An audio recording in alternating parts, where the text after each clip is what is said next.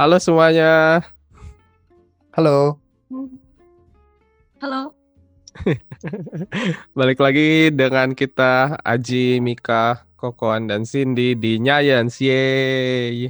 Yeay. Hey. Udah lebih antusias ya. Um, kira-kira semuanya pada penasaran nggak sih hari ini kita mau ngomongin apa? Penasaran, penasaran. Kita ngomongin apa, Ji? Hari ini ngomongin apa? Garing ya. Uh, jadi hari ini kita topiknya adalah tentang rasa penasaran. Uh, Yeay. aku jadi Wow. penasaran sama rasa penasaran itu apa. Aku juga jadi penasaran. Maksa banget.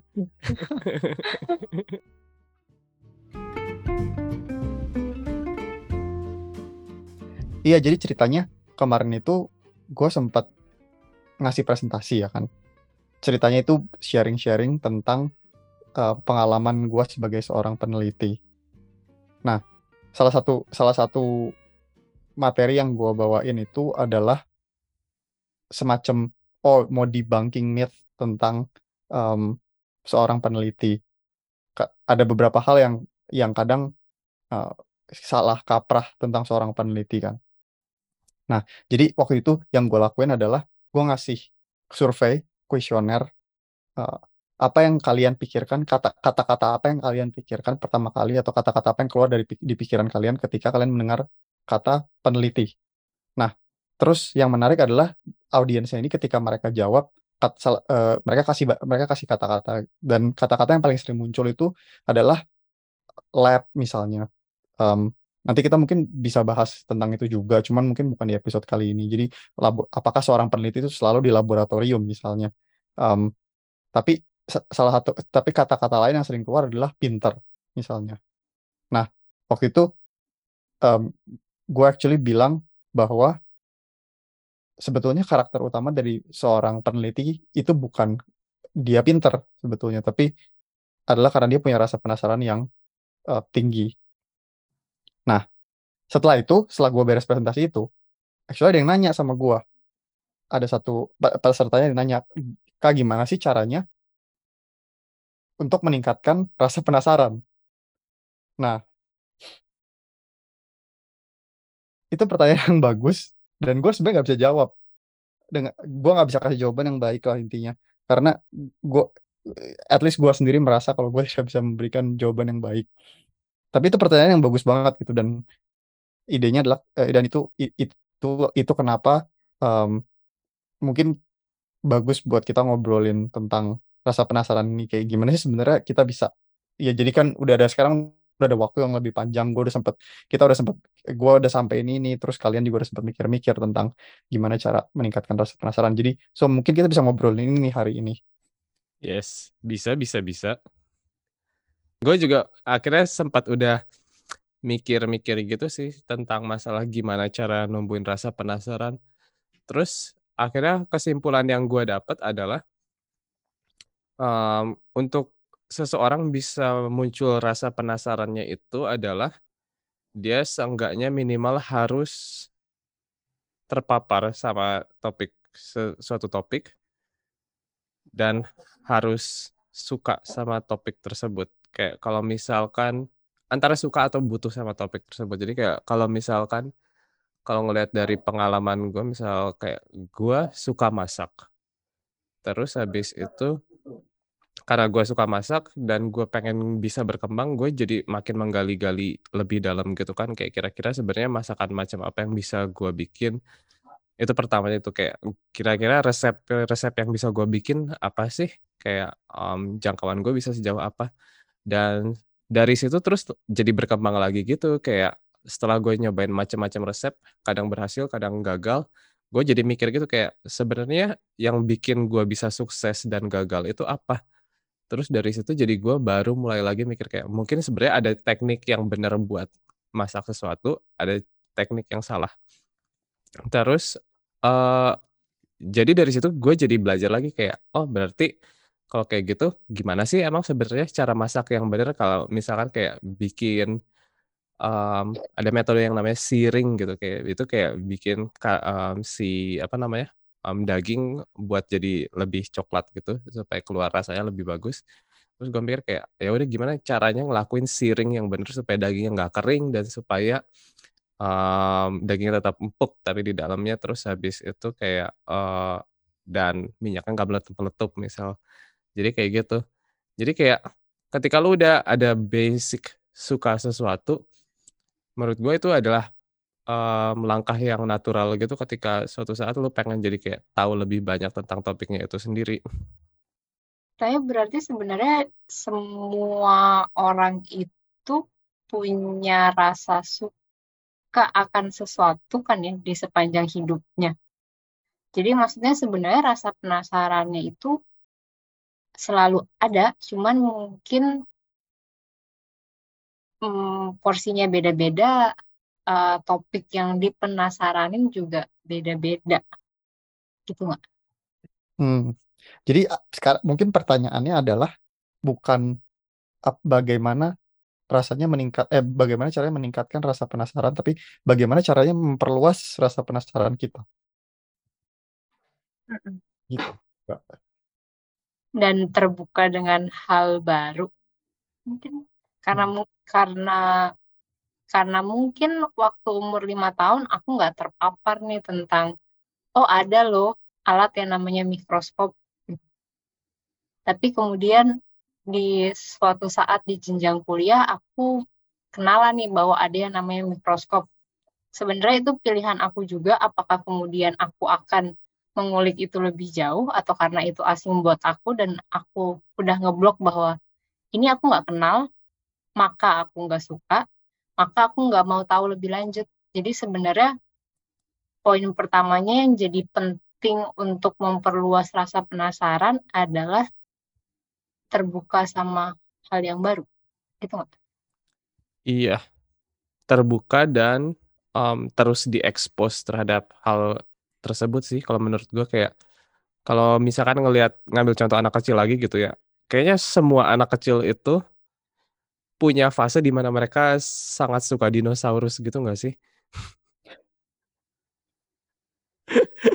iya.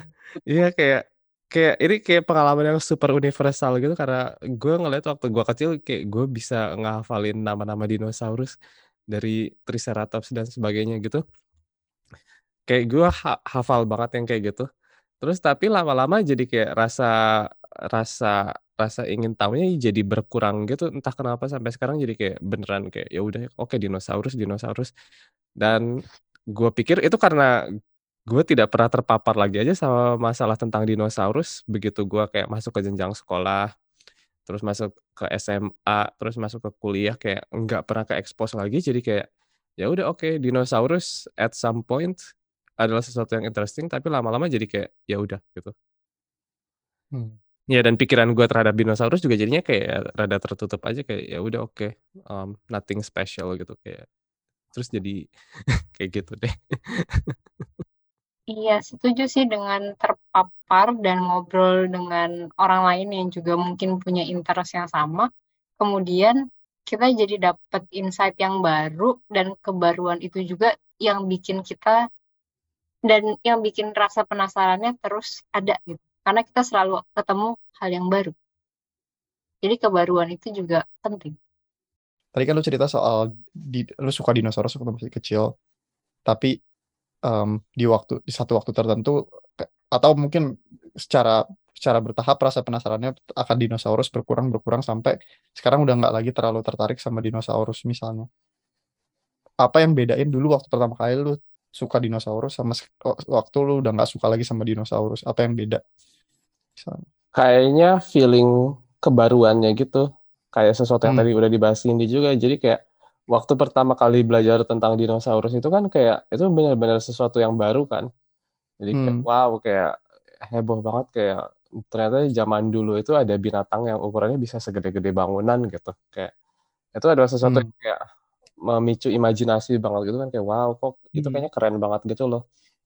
Hmm. Tambah lama kayak itu terpikir menjadi sesuatu yang normal aja gitu kayak oke okay, ya udah itu adalah binatang yang zaman dulu pernah ada di dunia ini tapi sekarang udah nggak ada lagi gitu kayak hmm. um, tiba-tiba ya udah kayak ketertarikannya jadi kayak semakin lama semakin turun gitu karena salah satunya Mhm. juga adalah mungkin karena gue juga akhirnya tidak mencari tahu lebih dalam lagi masalah dinosaurusnya gitu loh selepas dari Hmm. zaman gue kecilnya kayak padahal kalau misalkan men menggali lebih dalam gitu kan kayak sebenarnya pasti ada hal-hal baru yang bikin itu jadi semak tambah menarik gitu. Kayak bahkan detail-detail terkecil gitu kayak ternyata dinosaurus itu punya bulu gitu. Kan selama gue zaman kecil itu kayak dianggapnya dinosaurus itu reptil yang kayak kayak ular aja gitu loh, nggak punya bulu, nggak punya apa. Tapi kan terus, eee, habis itu ada temuan baru lagi yang nemuin bahwa dinosaurus itu sebenarnya kayak burung. Jadi dia punya bulu-bulu yang kayak mirip-mirip bulunya burung gitu. Dan ya kayak ternyata ada hal-hal baru terus gitu yang nambah yang akhirnya bikin orang jadi ta tetap tertarik sama sesuatunya itu gitu. Tapi kayak karena nggak terekspos dengan pengetahuan-pengetahuan barunya atau pengetahuan yang lebih dalam tentang topiknya, akhirnya ya jadi kayak, ya udah gitu. Hmm. Tapi yang mendorong untuk nggak ter nggak tertarik lagi berarti tadi faktor faktor wow. Faktor wow, ya. Hmm. Faktor wow itu apa ya bahasa bahasa resminya? Mungkin bahasa Inggrisnya O. O nggak sih? O. Oh, AW ya. AW. AWE. AWE. AWE. Apa bahasa Oh. bahasa kekaguman, bener nggak? Apa? Oh, Kekaguman. kekaguman. Boleh boleh Kekaguman. boleh, heeh. Kagum sama suatu topik, heeh. Hmm. Dan mungkin di saat yang bersamaan, saat interest lu berkurang terhadap dinosaurus, lu perlahan menemukan hal lain yang lebih menarik. Nah, bisa jadi.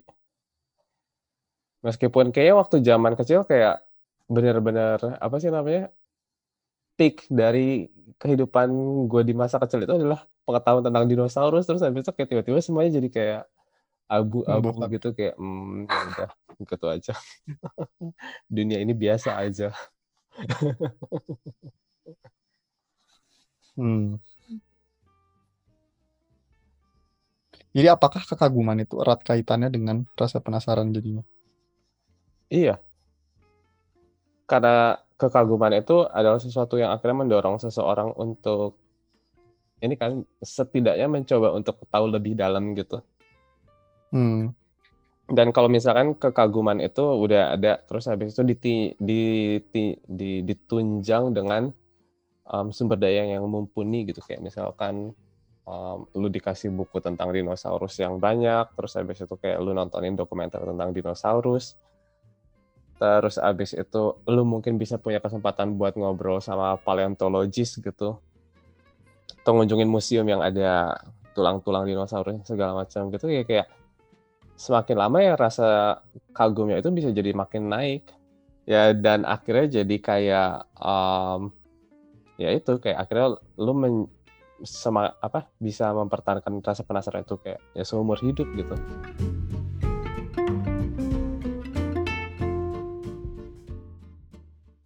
Kalau misalnya penasaran yang kayak, eee, aku lagi kayak penasaran nyari diskon atau penasaran nyari produk dari berbagai macam toko-toko berbeda. Kalau itu selain kekaguman, menurut kalian apa? Eee, yang mendasari rasa penasaran yang kayak gitu? Kebutuhan. Kebutuhan untuk mendapatkan harga lebih murah. Berarti kayak ada sesuatu yang rewarding in general nggak sih dari mendapatkan informasi berarti? Ah, iya iya, benar benar Kayak benar. kalau misalnya kekaguman, aku bisa makin dekat dengan objek kekaguman aku.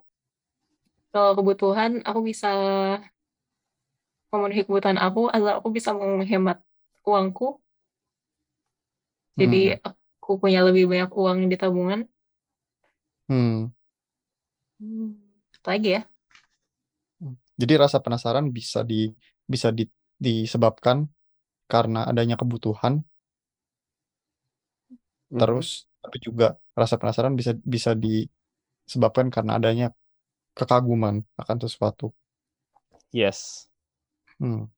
Tapi aku mau highlight juga deh kayaknya, terutama untuk yang kekaguman karena biasanya kecenderungannya setidaknya buat aku, aku suka sukanya pasif aja gitu loh kayak misal kayak aku bilang ke orang lain bikin aku kagum dong gitu padahal sebenarnya kekaguman itu tuh juga sebuah hasil dari usaha kita sendiri gitu loh kalau misalnya kita yang nggak mau nyari tapi cuman nunggu secara pasif ya kayak iya susah juga buat kamu kemudian menemukan hal yang baru yang akan bisa bikin kamu kagum.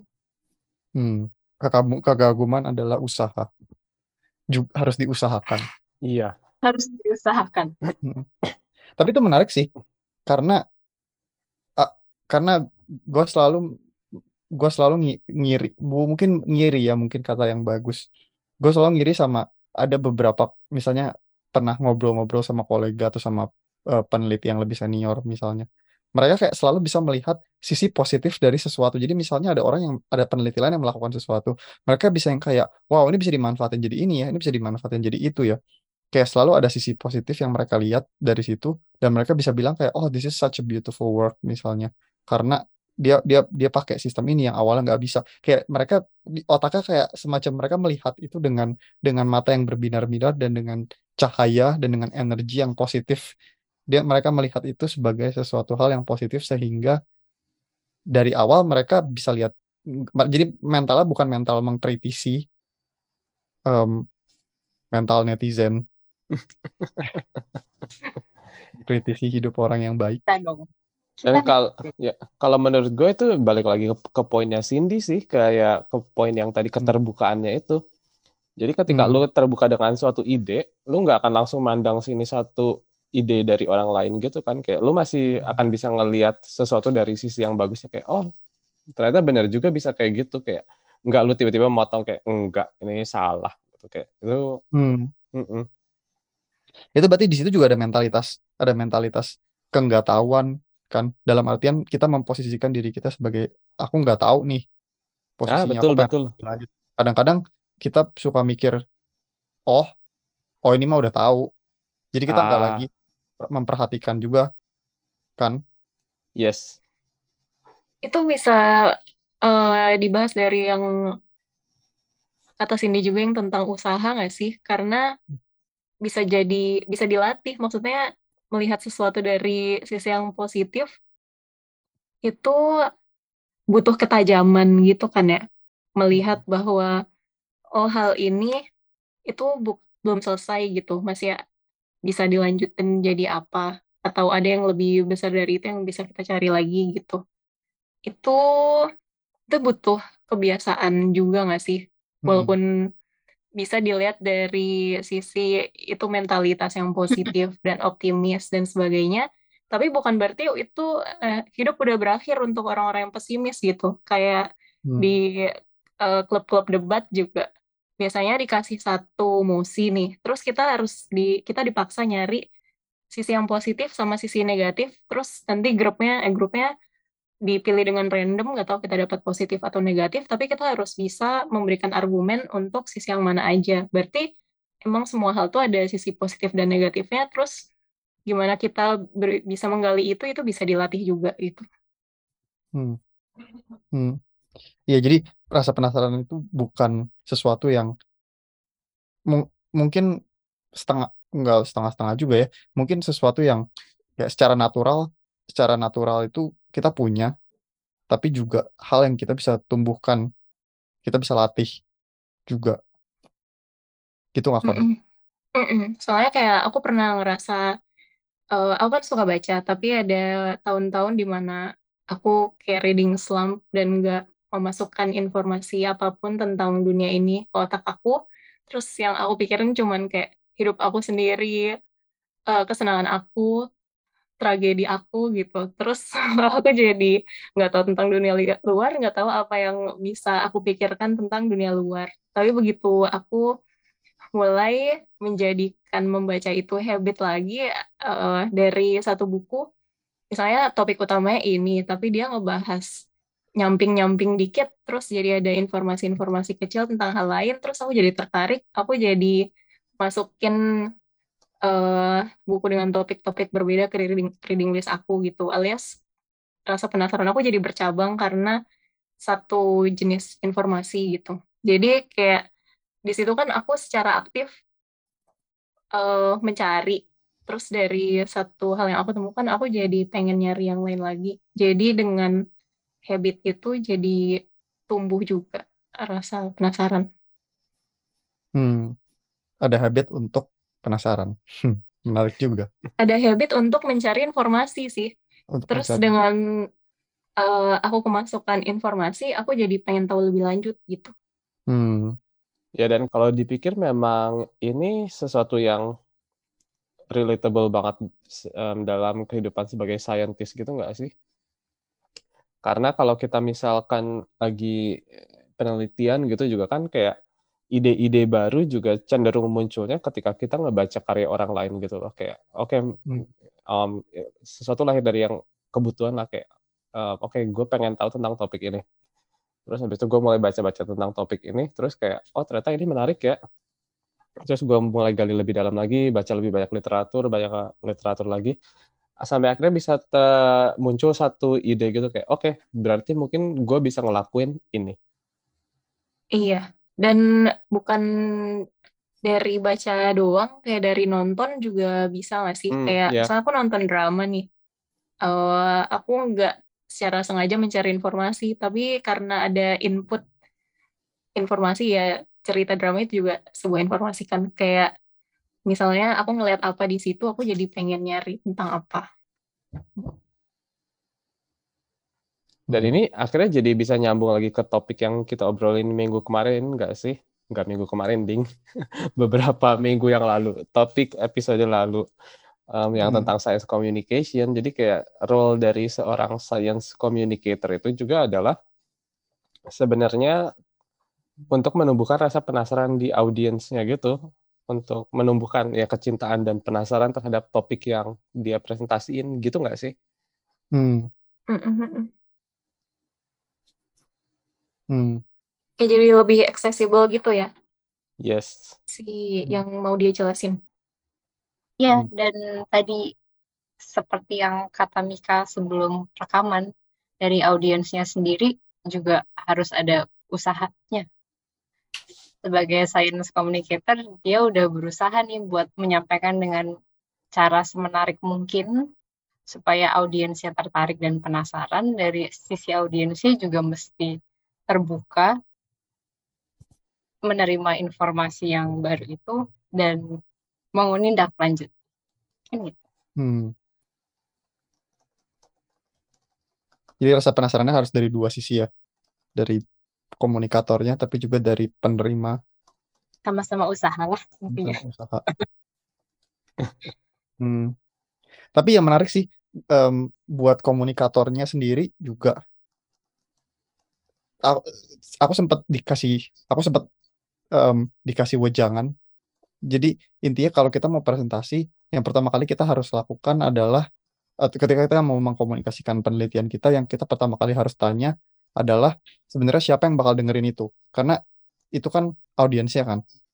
Um, jadi apakah audiensnya punya pengetahuan yang yang cukup tentang bidang yang kita kerjakan? Kalau misalnya aku mau presentasi tentang uh, teknik pemurnian logam misalnya pemurnian emas misalnya. Terus yang datang adalah investor-investor atau yang datang adalah teknisi-teknisi dari pemurnian emas misalnya. Dan berarti kan asumsinya adalah mereka sudah mengerti secara general teknik pemurnian emas seperti apa misalnya. Jadi nggak perlu lagi kita kasih background emas itu adalah misalnya. Mungkin mereka semua udah tahu kan.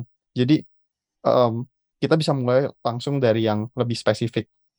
Langsung cari hooknya apa buat mereka. Ini loh ada teknik baru pemurnian emas yang mereka belum pernah dengar sebelumnya misalnya. Nah, jadi mengetahui audiensnya, kemampuannya mereka dan lain-lain, mencari tahu sebetulnya audiensnya siapa aja itu udah jadi satu hal yang penting Sedangkan untuk jadi untuk untuk komun untuk uh, pem, pendengarnya juga sama. Kita datang dengan dengan harapan kita mau belajar sesuatu dan karena itu ketika kita mendengarkan kita mendengarkan secara aktif terus kita membandingkan apa yang dia dia uh, in, uh, presentasiin dengan yang dengan orang lain dengan penemuan-penemuan orang lain atau dengan metode yang udah ada misalnya terus dari situ kita bisa oh ternyata kok ini saya nggak bisa lihat bedanya apa ya itu kan jadi jadi penasa itu kan jadi me membangun rasa penasaran juga. Jadi kayak cukup menarik, faktanya adalah ketika kita nggak fokus sama sama saya, sama kita, tapi kita fokus sama apa yang kita dengerin, itu jadi bikin kita lebih bisa bertanya sebetulnya. Jadi ketika kita nggak mikirin apa yang oh penelitian gue lagi stuck misalnya, tapi lebih mikirin, um, ini yang gue lagi dengerin ini sebenarnya mau cerita tentang apa sih? Ketika kita fokus dengerin itu justru kita baru bisa penasaran, baru bisa memba membangun rasa penasaran juga. Hmm. Hmm. Ketika kita tidak memfokuskan diri kita sendiri. Tadi Kokon juga sempat bilang kan, um, waktu aku hanya mau fokus pada apa yang aku suka, hobi aku. Jadi nggak nggak lagi nggak lagi mem nggak lagi memperhatikan di sekitar kita sebetulnya ada hal-hal yang menarik apa. Mhm. Kayak bahkan aku bukan fokus ke apa yang aku suka, tapi fokus tentang perasaan aku. Jadi kayak aku melihat ke dalam gitu, nggak melihat Hmm. keluar. Begitu aku melihat keluar, baru aku melihat ada hal yang bikin aku penasaran. Hmm. Jadi kamu menutup diri terhadap dunia luar gitu pada saat itu? Aku menjadi pribadi yang narsisistik, jadi yang aku pikirkan aku aku aku gitu. Begitu aku berhenti Mesti melakukan itu balance mungkin ya kesimpulannya. Ada saat Iya. untuk ngelihat ke dalam, ada saat untuk ngelihat keluar juga. Iya, bener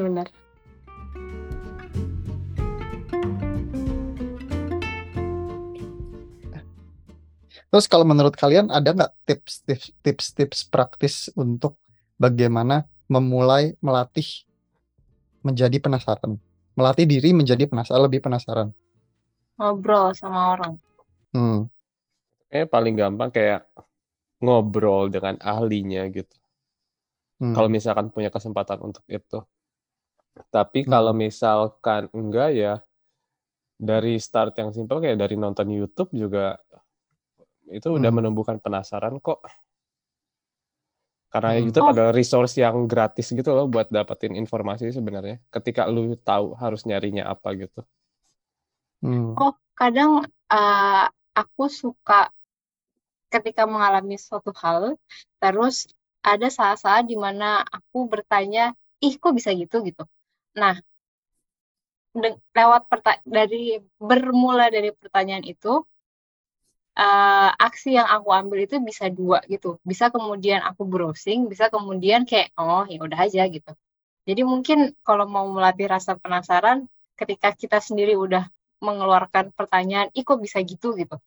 Mungkin itu Hmm. bisa ditindaklanjuti dengan oke kita cari, kita googling atau kita lihat di YouTube karena biasanya dan sebagian besar mereka punya jawabannya gitu.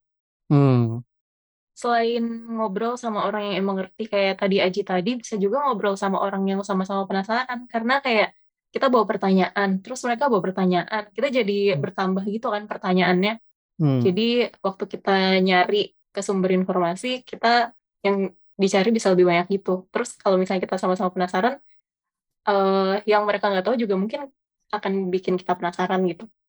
Hmm. Kayak kata Cindy kan tadi begitu nanya kok bisa sih itu bisa mencetuskan usaha untuk eh, memuaskan rasa penasaran kita. Kalau misalnya kita ngobrol sama yang sama-sama nggak tahu juga, kok gitu sih? Itu pertanyaan itu jadi banyak gitu. Itu menarik deh yang tadi dibilang sama Cindy. An- Anyway, karena kadang-kadang ada ya hal- hal-hal yang kita sebetulnya penasaran. Jadi kita notice dan kita penasaran, tapi kita nggak menindaklanjuti. Kita biarinin aja. Gue pernah Mm-mm. Ada pengalaman gue liat teman gue rambutnya baru modelnya. Terus gue kayak, oh dia rambutnya baru. Oh. Tapi terus ada teman gue yang lain terus tiba-tiba langsung nanya dia gitu. Em, ih rambut lu baru ya? Terus jadi akhirnya jadi cerita lebih panjang kayak kemarin gue potong rambut terus potong rambutnya kayak. Dia akhirnya dapat informasi baru tentang tempat potong rambut yang yang bagus di mana menurut orang ini. Terus kemudian em, ke- eh, cat rambut yang bagus itu yang mana misalnya. Jadi akhirnya dia dapat banyak informasi yang sebenarnya nggak berkaitan, cuman karena dia notice hal yang yang itu terus kemudian eh, notice ada perubahan gaya rambut terus kemudian dia sampaikan itu jadi sesuatu yang bisa dapat informasi yang baru buat dia. Itu menarik sih. Hmm. meng- me- apa ya? me- me- mengkaryakan rasa penasaran ya berarti. Aku ada juga yang praktis kalau misalnya uh, biasanya suka dengerin musik di jalan gitu. Coba sekali nggak dengerin musik deh, terus uh, ya udah diem aja sama pikiran kita gitu. Ntar lama-lama jadi mikir. kalau dengerin musik denger dengerin doang, tapi pas tiba-tiba kosong gitu, nggak ada yang mengalihkan perhatian, jadi ke mana-mana mikir sendiri. Terus di tengah-tengah itu juga jadi ada pertanyaan-pertanyaan yang perlu hmm. ditindaklanjuti. Kalau enggak bikin Twitter, bikin eh kalau udah WA Twitter sebenarnya jadi kebiasaan buruk pengen buka Twitter terus gitu. Terus selama kita scroll kayak dapat informasi-informasi random lama-lama ini baik dan buruk sih ya. kayak di satu sisi bisa bikin penasaran tentang ini itu. Di sisi lain bisa terlalu terdistrak untuk mencari tahu lebih lanjut. Jadi akhirnya rabbit hole mencari-cari yes. terus sampai terdistrak ke tempat-tempat lain. Itu kayak namanya apa? Wikipedia free fall, downfall. Yang kalau misalkan lu buka link hmm. Wikipedia terus uh, ada link selanjutnya, link selanjutnya, link selanjutnya yang lu terus klik klik klik klik terus dari pertanyaannya adalah um, uh, kenapa kemerdekaan Indonesia tanggal 17 Agustus 45 terus tiba-tiba bisa berakhirnya ke zaman paleolitik itu orang-orang makannya apa gitu. eh aku ada pertanyaan guys. Apakah hmm, ada stereotip kalau cowok-cowok tuh sebelum tidur suka buka Wikipedia random dan masuk ke rabbit hole Wikipedia gitu apakah itu benar? Uh, Pertanyaan yang menarik tolong ditindaklanjuti. Mungkin tergantung apakah cowoknya penasaran atau nggak penasaran sama sesuatu. Kalau kalian iya nggak? Aku enggak sih, soalnya kalau mau tidur aku baca buku gitu. Terus kayak tiba-tiba matanya udah jadi berat, berat, berat. Terus habis itu tiba-tiba ketiduran aja. Aku 80% dari tidur aku, aku ketiduran kon. Jadi Oke. Iya. Jadi Berarti itu bukan stereotip sih, itu satu kasus doang kali. Hmm. Oke. Kan sama dengan satu ya jumlah sampelnya. hmm. Gimana kalau misalnya aku nanya terus kemudian aku merasa kayak pertanyaan aku bodoh banget. Oh, iya. Kayak kan penasaran nih kadang. Cuma kadang-kadang kita penasaran hal-hal yang kita bodoh bodoh. Kita itu pertanyaan yang sebenarnya semua orang juga udah tahu gitu loh kan ada kadang-kadang ada pemikiran seperti itu kan kayak yang gua tanya ini terlalu basic orang pasti udah tahu deh kayak cuma gua doang yang nggak tahu gitu hmm. misalnya ya itu sebenarnya sesuatu yang mm, jujur aja gua pun masih struggling gitu sih karena kalau hmm. misalkan kalau lagi ada di meeting gede gitu yang kayak audiensnya menurut gua kayak levelnya udah jauh di atas gua gitu gua cenderung jadi nggak berani buat nanya yang kayak gitu yang kayak ya hmm. ya yang terlalu basic itu gua mikir kayak ini kayaknya cuma buang waktu aja deh kan sesi tanya jawabnya terbatas. Nanti pertanyaan bodoh gue kayak iniin pertanyaan apa ngehalangin orang lain buat nanya gue jadi kayak ya itu susah. Tapi sesuatu yang kayak gitu sebenarnya um, bisa diakalin juga. Kalau misalkan nggak mau nanya di konteks yang kayak um, di depan publik itu ya bisa nge-approach orangnya juga kok sebenarnya buat nanya personal. Kayak itu maksudnya apa sih kayak kadang juga gue suka nge-approach gitu loh, kayak ngedatengin orang kayak ya tadi um, lu penjelasannya bagus kayak presentasinya oke tapi gue miss nih yang bagian ini sebenarnya tuh itu lu lagi ngomonginnya apa gitu dan akhirnya bisa hmm. dijelasin hmm. sendiri kan satu uh, satu uh, apa namanya one on one gitu dan ya kayak akhirnya gue jadi ngerti juga hmm, aku juga hmm, ada statement atau pertanyaan atau pernyataan tentang bertanya juga. Kayak kalau misalnya lagi ngebahas suatu topik yang polarizing banget gitu.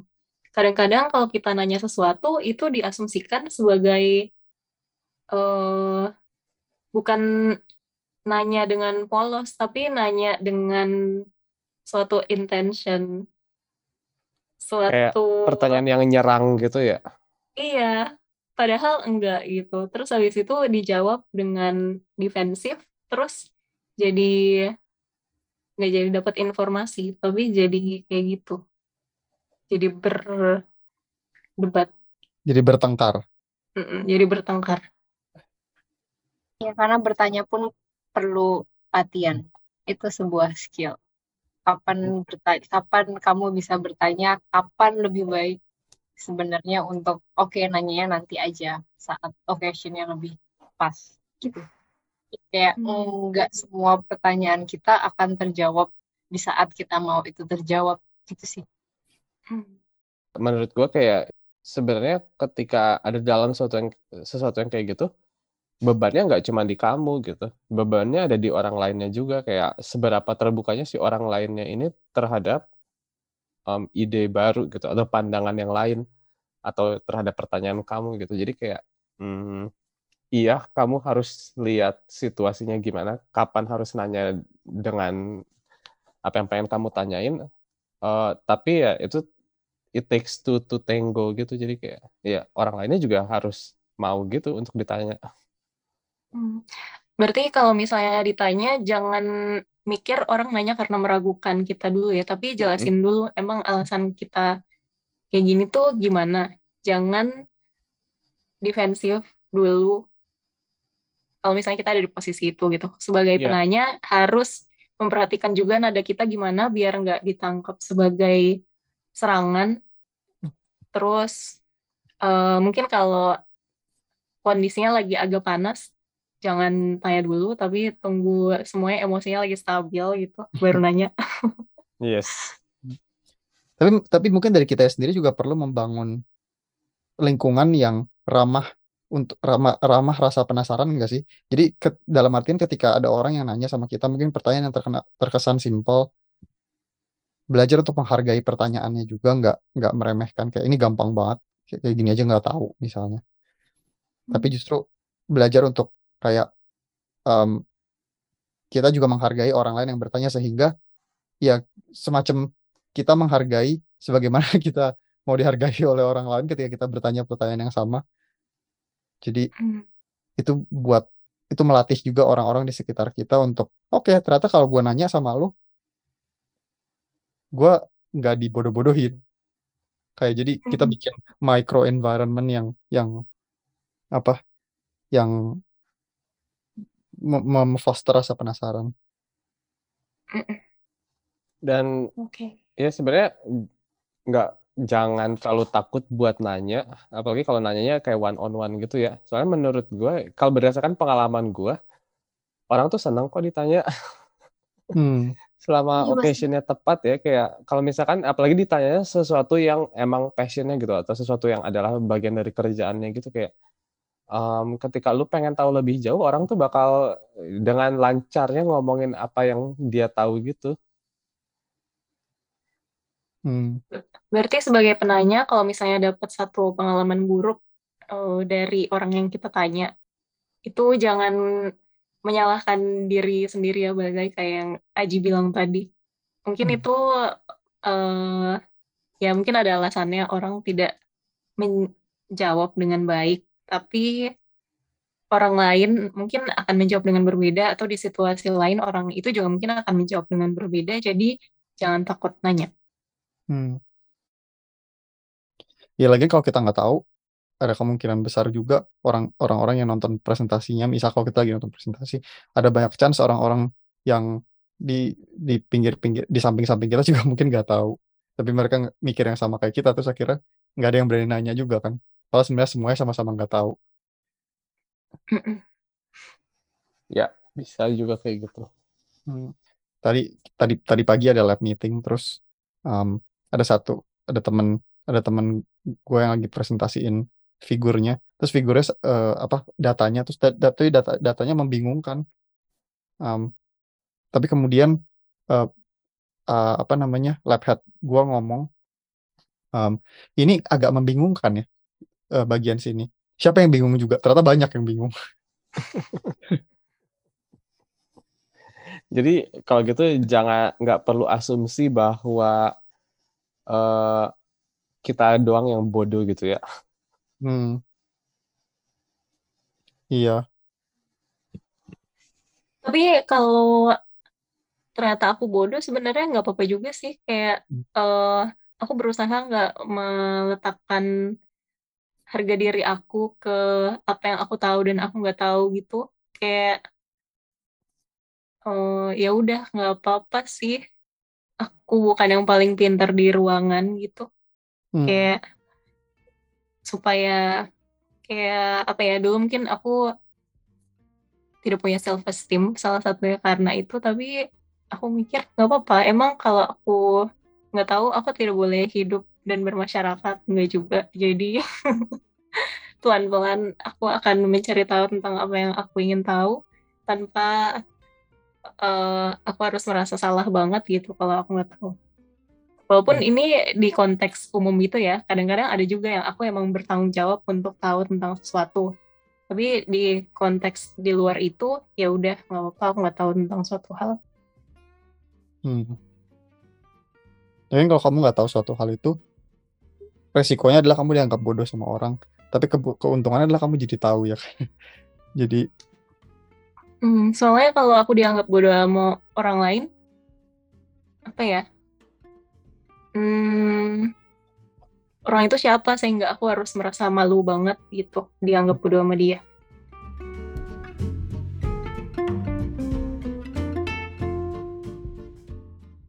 ada lagi gak apa lagi? Kayaknya Jadi tadi kita udah ngomongin tentang tips-tipsnya. Jadi nanya aja gitu kali ya.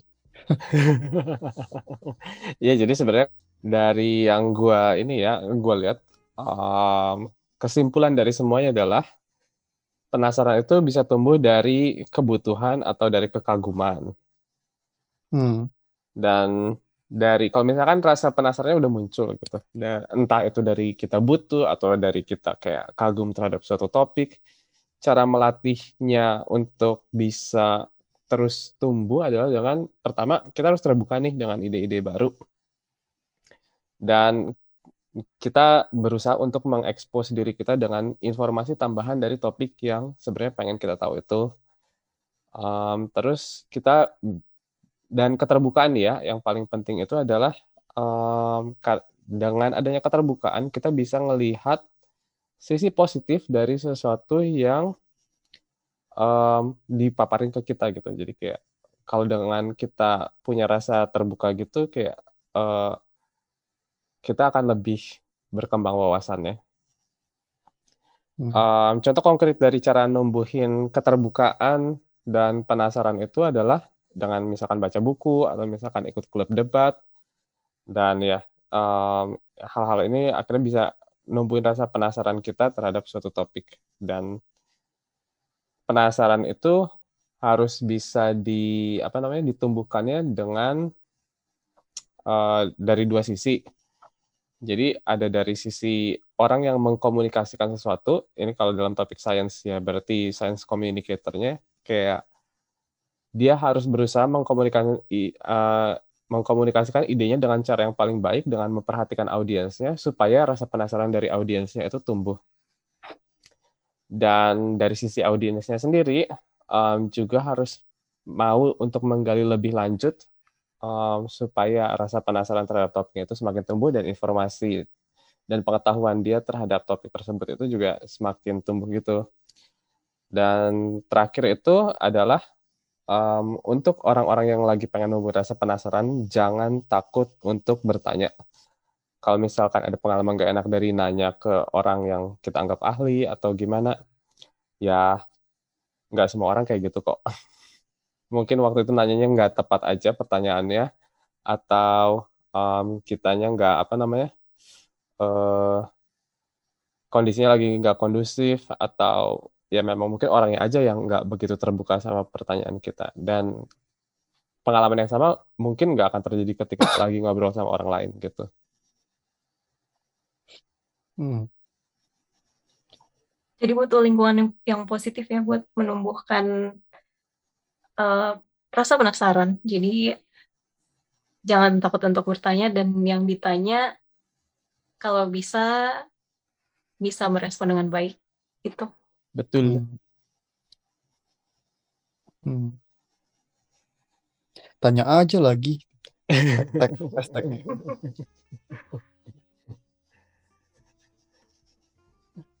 Dan mau plugging in nggak kayak cara numbuhin rasa penasaran kan salah satunya dengan dengerin Science Communicator ya. Science Communicator Wow. ya um, juga. ada nih di podcastnya Jens. Kita nyaranin orang yang udah dengerin Nyayens untuk dengerin Nyayens. Ya. Echo Chamber. Kita ba- mungkin untuk untuk meningkatkan rasa penasaran adalah bagaimana kalau kalian mengirim pertanyaan-pertanyaan kalian ke emailnya Jens. Ah, boleh tuh. Itu juga dengan Bagus, bagus.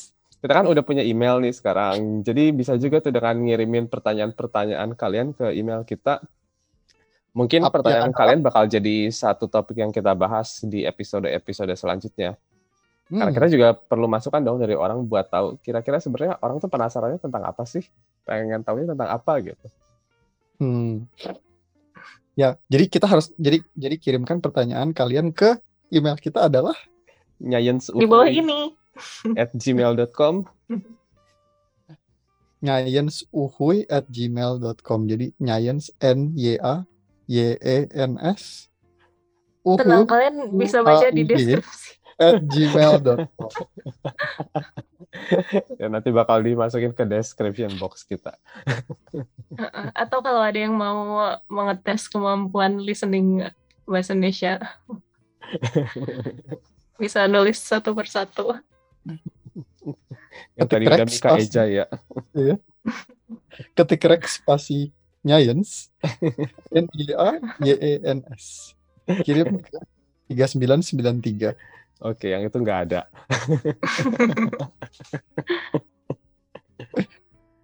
Oke, kalau gitu mungkin sekian dulu untuk episode Nyayens yang kali ini. Dan untuk ka- penutupnya, stay curious.